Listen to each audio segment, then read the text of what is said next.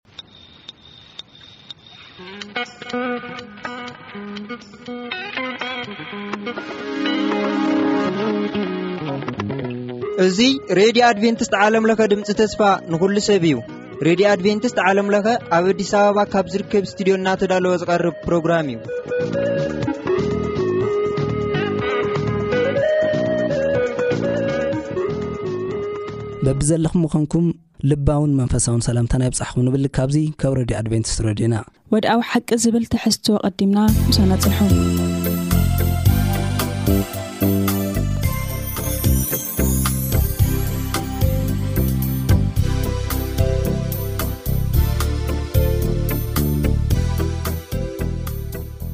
ሰላም ዝኸበርኩም ተኸታተልቲ መደባትና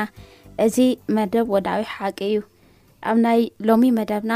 ንዓሰርተ ሰለስተ ሰሞናት ወይ ከኣ ንሰለስተ ወርሒ ሓቢርና ንጸንሖ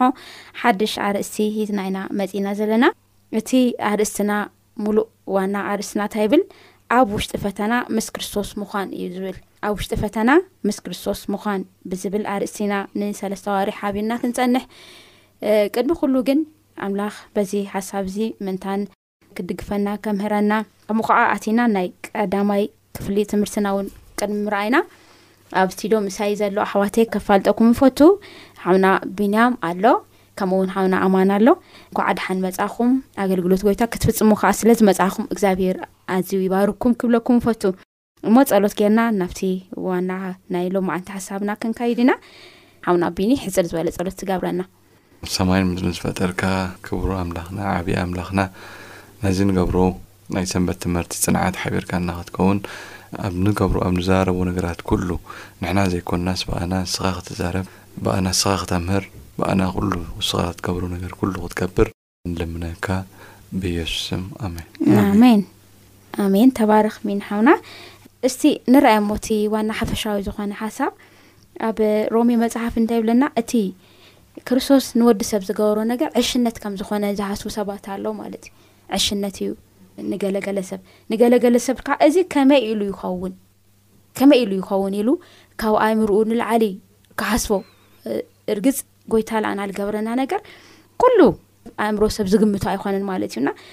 እዚ ኣምላኽ እዚ እንታይ ዓይነት ኣምላኽ እዩ እቲ ኣብ መስቀል ዝዋኣለ ክርስቶስ እቲ ዝተሰቐለ ፈጣሪ ሲ እንታይ ዓይነት ኣምላኽ እዩ እና ክንርኢ ከለና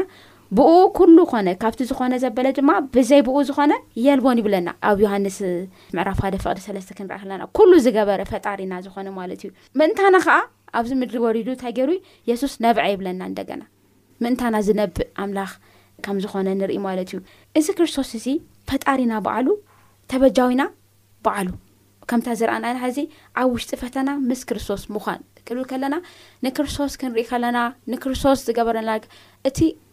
ዝተፈተኖ ፈተና ሕና ኣብ ምድሪ ኮይና ንፍተኖ ዘበለ ፈተና ኩሉ ክርስቶስ ምእንታና እንታይ ገይሩ እዩ ሓሊፉ እዩ እና ምስ ክርስቶስ ኮይና ፈተና ከመይ ኢና ንሓልፍ ዝብል ኢና ብምሉእ ኣብዚ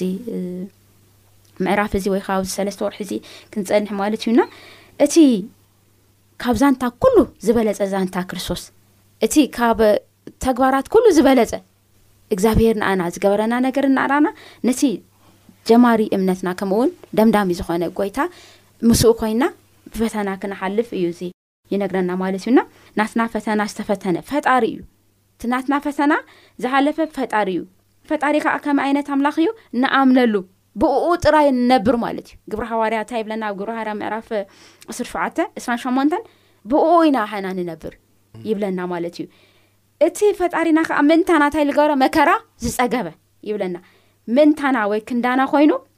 ሕማምና ዝጾረ ስቃይና ከኣ ኣብ ነብሱ ዘንበረ እዚ ኣምላክና እዚ እዩ እቲ ብዛዕባ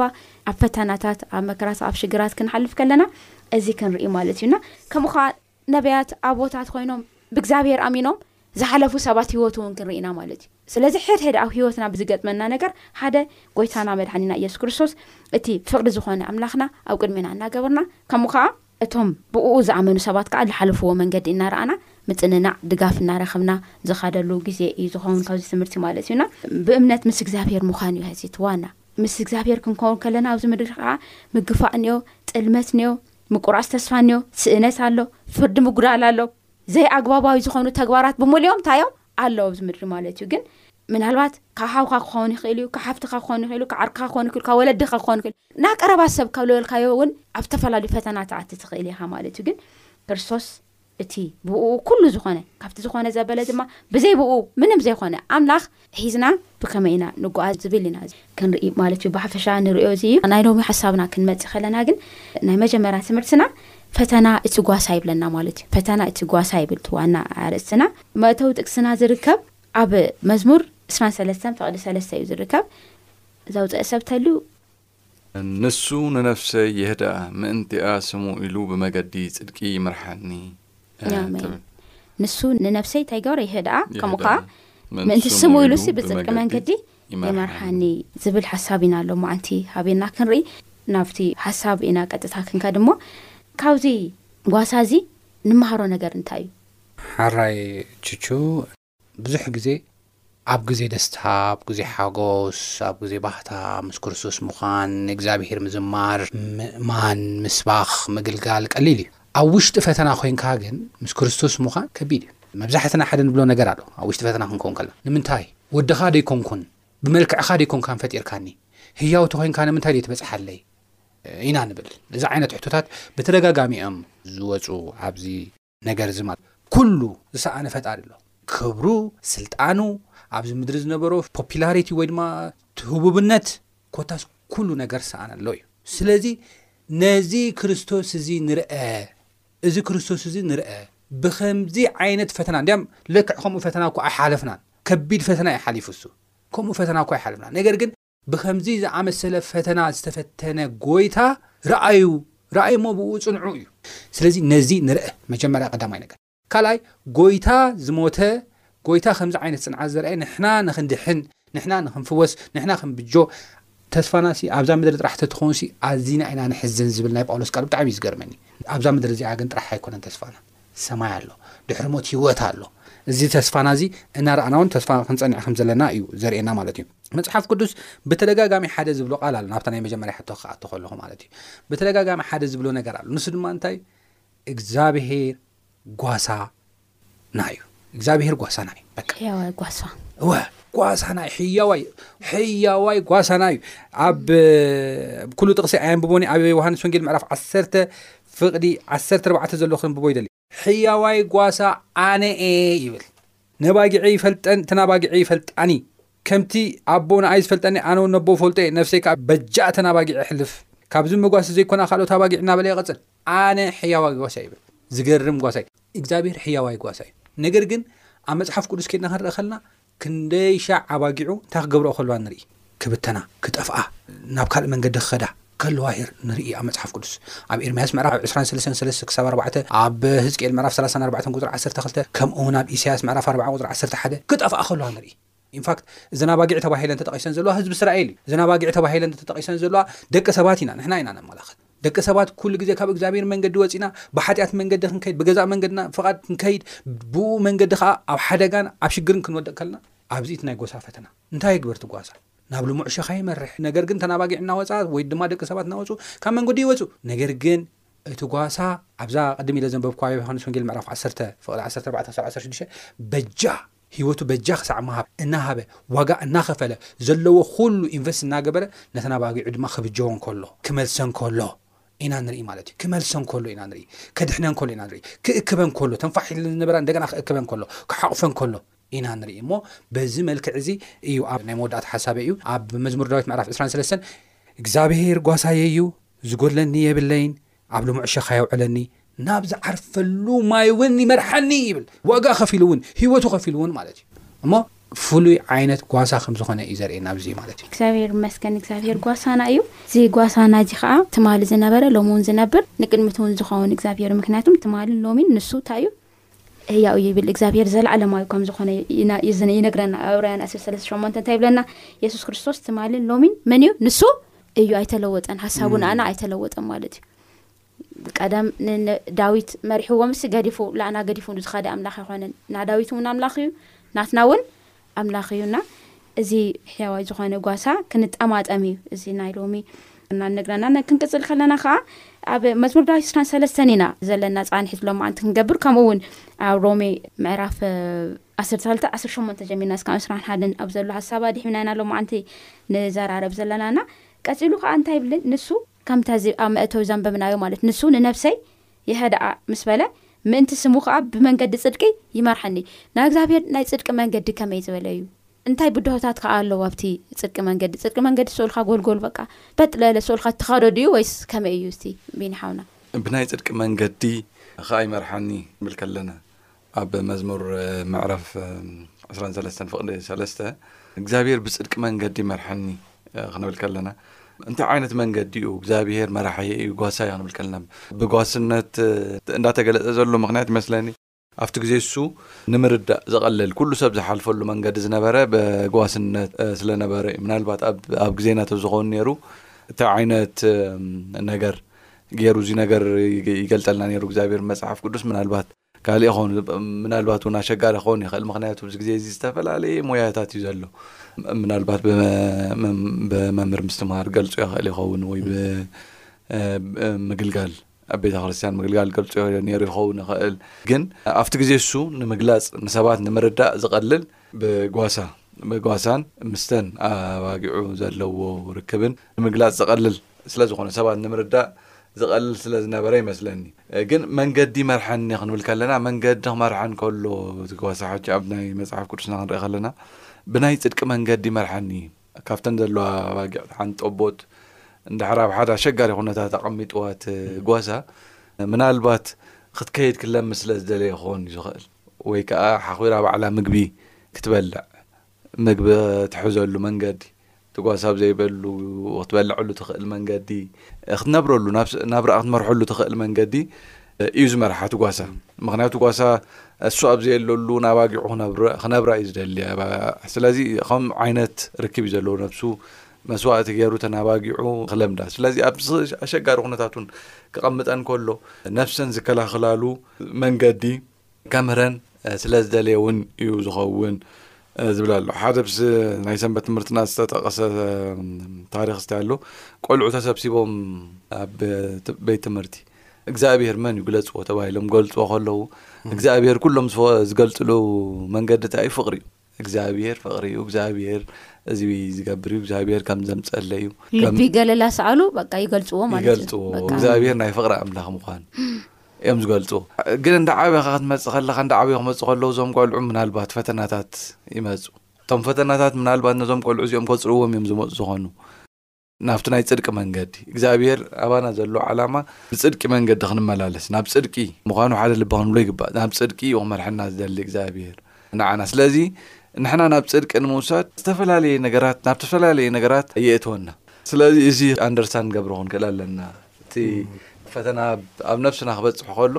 ሓደ ሓደ ግዜ እኮ ኣብ ነብስና እውን ንርእዮ ኢና። ኣነ ቀደም ሲ ካብ ስራሕ ክኸይድ ከለኹ በቃ ሓደ ሓደ ግዜ ሕማቕ እንዳሓሰብኩ እየ ክኸይድ እሞ እዚኦም ከምዚኣ ዝገበሩኒ ሰባት እማ በቃ ክርእዮም እየ ደሓን ኢለ በቀል እናሓሰብኩ ይኸይድ እሞ ኣብ ከምኡ ግዜታት ኣብ ዝኸደሉ ግዜ ታክሲ ይስእን ወይ ደሓር መንገዲ ክሳ ይኾነኒ ከምዛ ዘጋጥመኒ ኩነታት ነይሩ ኣብ ሓደ ሓደ ግዜ እውን ኣነ ዘይረኣኹሉ መንገዲ ክህሉ ይኽእሉ ስለዚ ኣብ ሂወትና እውን ንሪኦ ነገራት እዩ እዚ እግዚኣብሄር ናብ ፅድቂ መንገዲ ክመርሓና ክደሊ ከሎ ኣብ ፈተና የእትወና የፅርየና ማለት ኣባና ዝተለመደ ባህል ኣሎ እግዚኣብሄር ዝፈትዎ ሰብ ይፍትን ይበሃል እዚ ናብ ፅድቂ ክመርሐና ስለ ዝደሊ እግዚኣብሄር ምናልባት ዘይክነሰውዕሉ ንኽእል ንኸውን ግን ኩሉ ነገራትና እግዚኣብሄር ናብ ፅድቂ ክመርሐና ዝገብሮም ነገራት ምዃኖም ኢና ኣብዚ ንርኢ ማለት እዩ እሺ እግዚኣብሔር ይባርካ ቢኒ ሓውና እዚ መንገዲ እዩ እና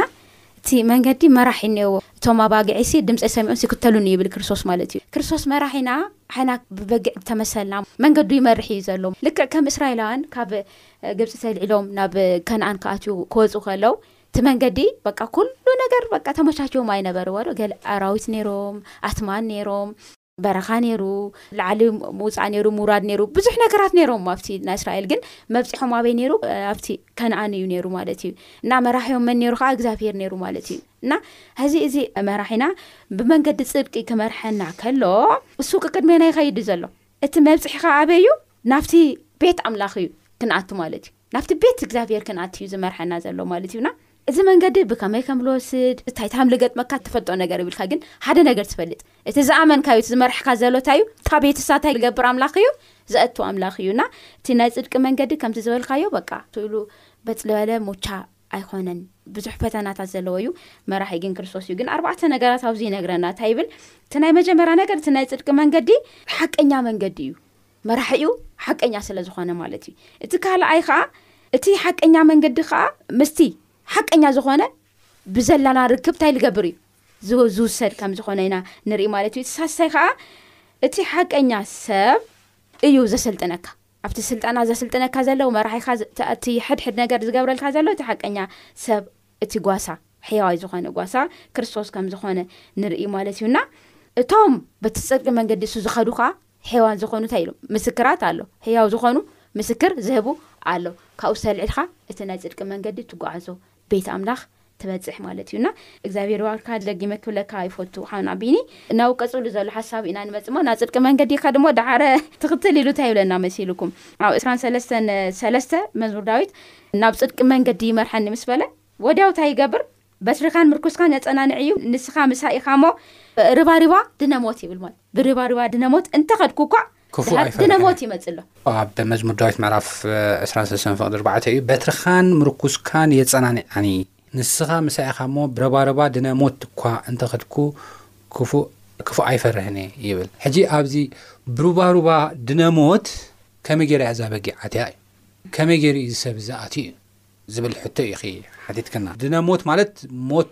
ናይ ሞት ጽላል ወይ ድማ ናይ ሞት ወረ እትሰምዓሉሲ ናኡስ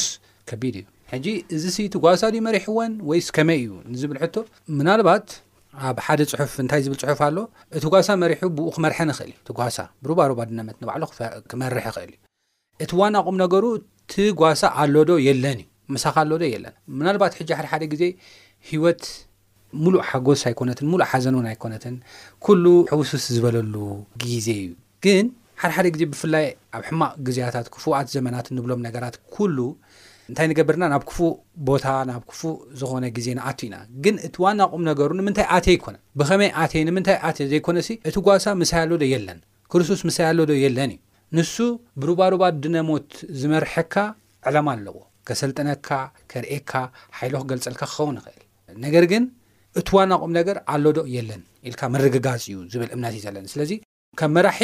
ጎይታ ብርባርባ ድነ ሞትን ክመርሓና ኣይክእልን እዩ ማለት ክመርሓና ይኽእል እዩ ነገር ግን ሕጂ ሓደ ሓደ ሰባት ኣለዉ ጎይታ ናይ ፍቕሪ ጥራሕ እዩ ብሰማይ ጥራሕ እዩ ዝመርሓና ምስ እቶ ኮይና ምንም ኣይትንክፈናን እዩ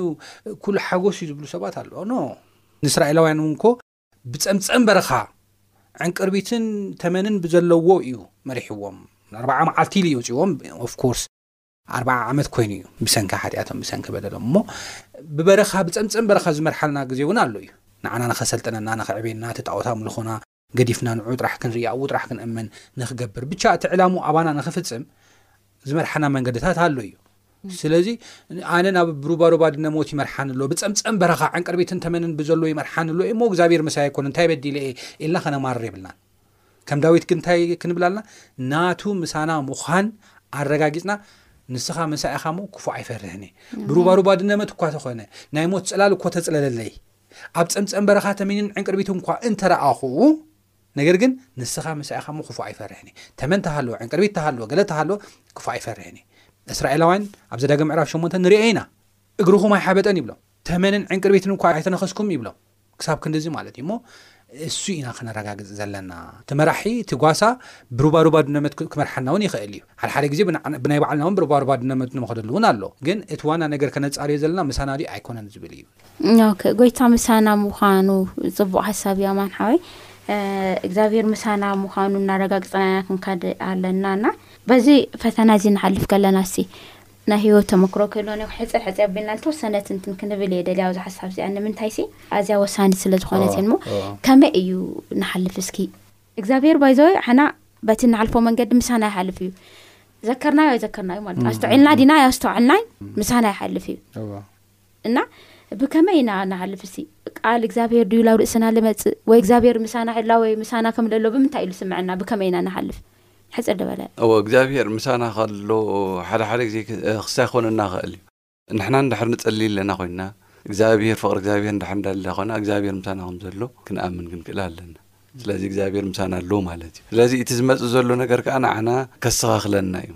ብድነ ሞት ሓሊፍካ ትፈልጦ ቢኒ ሓወይ ድነ ሞት ማለት ሩባ ሩባ ድነ ሞት ሞት ኣብ ጥቃይ ዝመፅሐሉ ግዜ ኣዎ ቅድሚ ሕጂ እውን ተዛክሳይለ ነረ ሓደ ግዜ ኣብ ሓደ ሓደ ግዜ ከም ዝጋጢመኒ ነይሩ ኣነ ያው ዝኾነ ናይ ኣብ ናይ መኪና ክሲ ኣጋጢመኒ ነይሩ መኪና ምግልባጥ ሓደጋ መኪና ናይ መኪና ሓደጋ እንታይ እዩ ናብዚ ናይ ካቶሊክ ቤተ ክርስትያን መላለስ ነይረ ዝኾነ እንዳሰራሕኹ ሲና ኣብኡ ከይደ ሓደ ግዜ ግን ጽቡቕ ኣይነበረን እቲ ክስታይ እቲ ናተይ ነበረ ንክስታይ ኣረኣእያ ስለዚ እቲ ናይ ሓጥያት ናይ ዓለማዊ ነገር እንዳሓሰብኩ እየ ዝኸይድ ነይረ ሕጂ ካብ መቐለ ከይድና ናብ ዓበብ ዓዲ ክንኣቱ ክብል ከለና እዛ ኣውቶቡስ ፍሬን ንክስታይ ኣብዮ ነት ኣብ ገደል እያ ተኸይድ ሕጂ ብጎነይ ዘላ ቆልዓ ዝሓዘት ነራ ብጎነይ ዝነበረ ሰበይት እውን ካብኡ ከምዚ ኢላ ክትሳይት ክትዓፃ ኣብዎ ከምዚ ኢሉ ክሽክርከር ከሎ ፍቲ ስፋልቲ ሹፌር ኣብ ጎኑ ዘሎ ሓጊዝዎ ማለት እዩ ኮፍ ኢሉ ኣጆኽ እግዚኣብሄር ኣሎ ኢለ ኣብዛዕባ ጓላ ክጨነቕ ከላ ያው ክንተርፍ ኢና ኢለ ሓሲበ ኣይኮነን ግን ሊስ ከረጋግኣ ኢለ ግን ከምኡ ኢለ ክዛረባን ተሰኺፊርናላ ነበርና ሚኒባስ ኣብ ተኽሊ ክትግልበጥን ሓደ እዩ ኣብ ተኽሊ ኢና ዓሪፍና ዝተሓንፀፁ እንኳን ሰብ ኣይነበረና ዝተጫሓበረ ሰብ ኣይነበረና እታ ህፃን እውን ምንም ኣይኮነትን ያው ብመስኮት ኢና ውፅኢና እታ ንብረት ጥራሕ እያ ተጎዲኣ ናይቲ ሹፌር ባዕሉ እዩ ዝውራ ነይሩ ተዋና ካብኡ መስኮት ወፂና ምንም ኣይኮናን ምንም ኣይኮናን ካብ ምፍራሕ ዝተላዓለ እና ካብ ምምሃር ብድሕሪኡ እንተ ኣነ ውን ተማሂረ ካብ ሓጢኣተይ ማለት እዩ። ትክክል እና ድነ ሞት በቃ ይመጽእ ግን እግዚኣብሄር ከዓ ኣብቲ ቦታ እሱ ከም ዝነበረ ተሰሚዑካ እዩ እና ከምኡ ገይሩ ከም ለውፅእ እና እግዚኣብሄር ካብ ሞት ማለት ካብ ሞት ዝበለፀ ነገር የለ ኣብዚ ምድሪ እታ መወዳእታ እኒኣ ድነ ሞት እያ ናብ ሞት መንገዲ እያ እና ብኣዋላ እግዚኣብሄር ምሳና ሓሊፉ ሲ እንደገና ለብል ኣምላኽ ምዃኑ ናብታ ናይ መወዳእታ ሰዓትና ለብ ብጣዕሚ ካድ ስለ ዘሎ ንክልቴኹም ብሓደ ገይረ ሕቶ ክሓተኩም እዩ ልደሊ። ኣብ መዝሙረ ዳዊት ዕስራን ሰለስተን ሓምሻይን ሻድሻይን ዘሎ ሓሳብ ማለት እዩ። ኣብ ሓምሻይ እንታይ ይብለና? ንስኻ ኣብ ቅድሚ ገጽ ጸላእተይ ማዕዲ እንታይ ትሰርዐለይ ይብል። ንርእሰይ ብዘይቲ ትለኽዮ፣ ጽዋኣይ ከኣ የንጀብብ ኣሎ ይብል ማለት እዩ። ካብኡ ከኣ ብሓቂ ሳልሕኻን ምሕረትካን ብኩሉ ዕድመይ ክስዕባና እየን ኣብ ቤት እግዚኣብሄር ከኣ ንዘለኣለም ክነብር እየ ዝብሉ ክልተ ሓሳባት ኣሎና ኣብዘን ሓሳባት እዚኣን እስቲ እዚ ጓሳ ኣባጊዕ ዝነበረ ሰብ እንታይ እዩ ዝብለና ዘሎ ሕጽረጽር ኣብልኩም ትውን እሞ ናብ መወዳእታ ንኸድ። ጸላእትና ብኸመይ ክርስትያን ኮይንና ጸላእትና ከመይ ኢና ክንቀርቦም ዘለና እዩ ዘምረና ዘሎ ኣብዚ ይመስለኒ ሓደ እንታይ እዩ ክርስትያን ኮንካ ጸላእትኻ ከመይ ጌርካ ኢኻ ነጸላእትኻ ትምልሰሎም ዝግባእ ዝብል ነገር ፈታኒ እዩ ጸላእትኻ መዓልቲ መዓልቲ ዕንቅፋት ክገብሩልካ ዝደልዩ ሰባት ምኽንያቱ ደቂ ሰባት ኮይንና ክንነብር ከለና ኣብ መሬት ብዙሕ ነገራት ኣሎ ብዙሕ ንብረታት ኣሎ ሪሶርሳት ኣሎ ስለዚ ሪሶርስ ናተይ ንምግባር በዚ ሪሶርስ ኣነ ይበልጽ ክንበሃል ኣብ መንጎና ኣብ ሕድሕድና ዝፍጠሩ ናይ ጽልኢ ስምዒታት ክፍጠሩ ይህልው እዮም ሰይጣን እውን ኣብኡ ስለ ዝሰርሕ ንሕና ንጻላእ ስለ ዝደሊ ፍቕሪ ኣብ መንጎ ደቂ ሰባት ክህሉ ስለ ዘይደሊ፣ ጽልኢ ክህሉ ግዴታ እዩ። ኣብዚ ጽልኢ ክህሉ ከሎ ግን ንሕና ከም ክርስትያን ከመይ ጌርና ኢና ጸላእትና ንቐርቡ? እዩ ዘርእየና ዘሎ። እዞም በዞም ሰለስተ ነገራት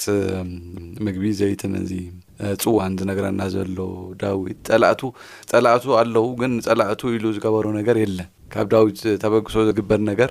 የለን ንመሃር ኣለና ንሱ። ስለዚ ንጸላእትና ንሕና ክብቀሎም ኣለኒ፣ እዚ ክገብሮም ኣለኒ ክንብል ከም ዘይብልና ኢና ንመሃር ዘለና። እግዚኣብሄር ግን ኣበ ከመይ ገሩ እዩ ዝምልስ ኣብ ቅድሚ ዘለኣትና ንሕና እንድሕር መንገዲ እግዚኣብሔር ንኸደልን ኮይና ንእግዚኣብሔር ንቐርብ እንድሕር ሃሊና ኮይና እግዚኣብሔር ኣብ ቅድሚ ጸላእትና ባዕሉ ዝሰርሖ መንገዲ ኣለዎ ባዕሉ ዝምልሶ መንገዲ ኣለዉ ንዕኦም እንዳጎድኦም ኣይኮነን እግዚኣብሔር ብጉድኣት ኣይኮነ ዝምልሰሎም ዘሎ ግን ንዕኦም ን ሓደ ናብ ፅድቂ መንገዲ መምርሒ ምክንያት እውን ክኸውን ይኽእል እዩ ነቶም ፀላእቲ ካብ ንዳዊት ዝግበረሉ ዘሎ ናይ ዘይቲን ናይ ጽዋ ምምላእን ናይ ምግብን ሪኦም ንሶም ናብኡ መንገዲ ዝመጽሉ መንገዲ ንዖም ናብ ጽድቂ መንገዲ ዝመርሐሉ መንገዲ ክኸውን ይኽእል እዩ እግዚኣብሔር ስለዚ ከምዚ ኢና ንጸላእትና ክንምሰሎም ከለና ንእግዚኣብሔር ንገድፎ ከም ዘለና ንምሃረሉ እዩ እዚ ጥቕሲ። እሺ እግዚኣብሔር ይባርካ ቢኒ ሓወይ ጥቕልል ኣቢልካ ኣማን ሎሚ ብሓፈሻ ንሪኦ ነገር እንታይ እዩ? ቅድም ኢሉ ቢንያም ሓውና ብፍላይ ኣብ መዝሙር ዳዊት ምዕራፍ 20 ስስን ፍቕዲ ሓሙሽተ ንስኻ ኣብ ቅድሚ ገጽ ጸላእተይ መኣዲ ትሰርዓለይ ይብለና። ቢንያም እዚ ብደንቢ ገይሩ ተንቲኑ ርእሲ ብዘይትለኸዮ ጽዋኤ ይጅርብብ ኣሎ ይብለና። ሕጂ ጸላእትና ከቢቦም በይንና ኣብ ስማዕና እዋን ሽግር ኣብ ስማዕና እዋን ጭንከት ኣብ ስማዕና እዋን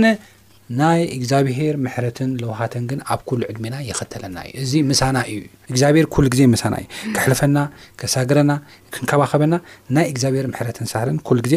ምሳና እዩ ዝብል እዩ እቲ ናይ መወዳእታ ሓሳብ ዝነገረና ማለት እዩ ካብዚ ዝተላዕለ ኣብ ኤርምያስ ምዕራፍ ሰላሳን ሓደን ፍቕሪ ሰለስተ እንታይ ይብል መስለኪ? እግዚኣብሄር ብዘለኣለም ፍቕሪ ኣፍቀርኩኺ፣ ብምሕረት እውን ሰሓብኩኺ እዩ ዝብል። እዚ ናይ እግዚኣብሄር ምሕረትን ፍቕርን ሳህልን ድማ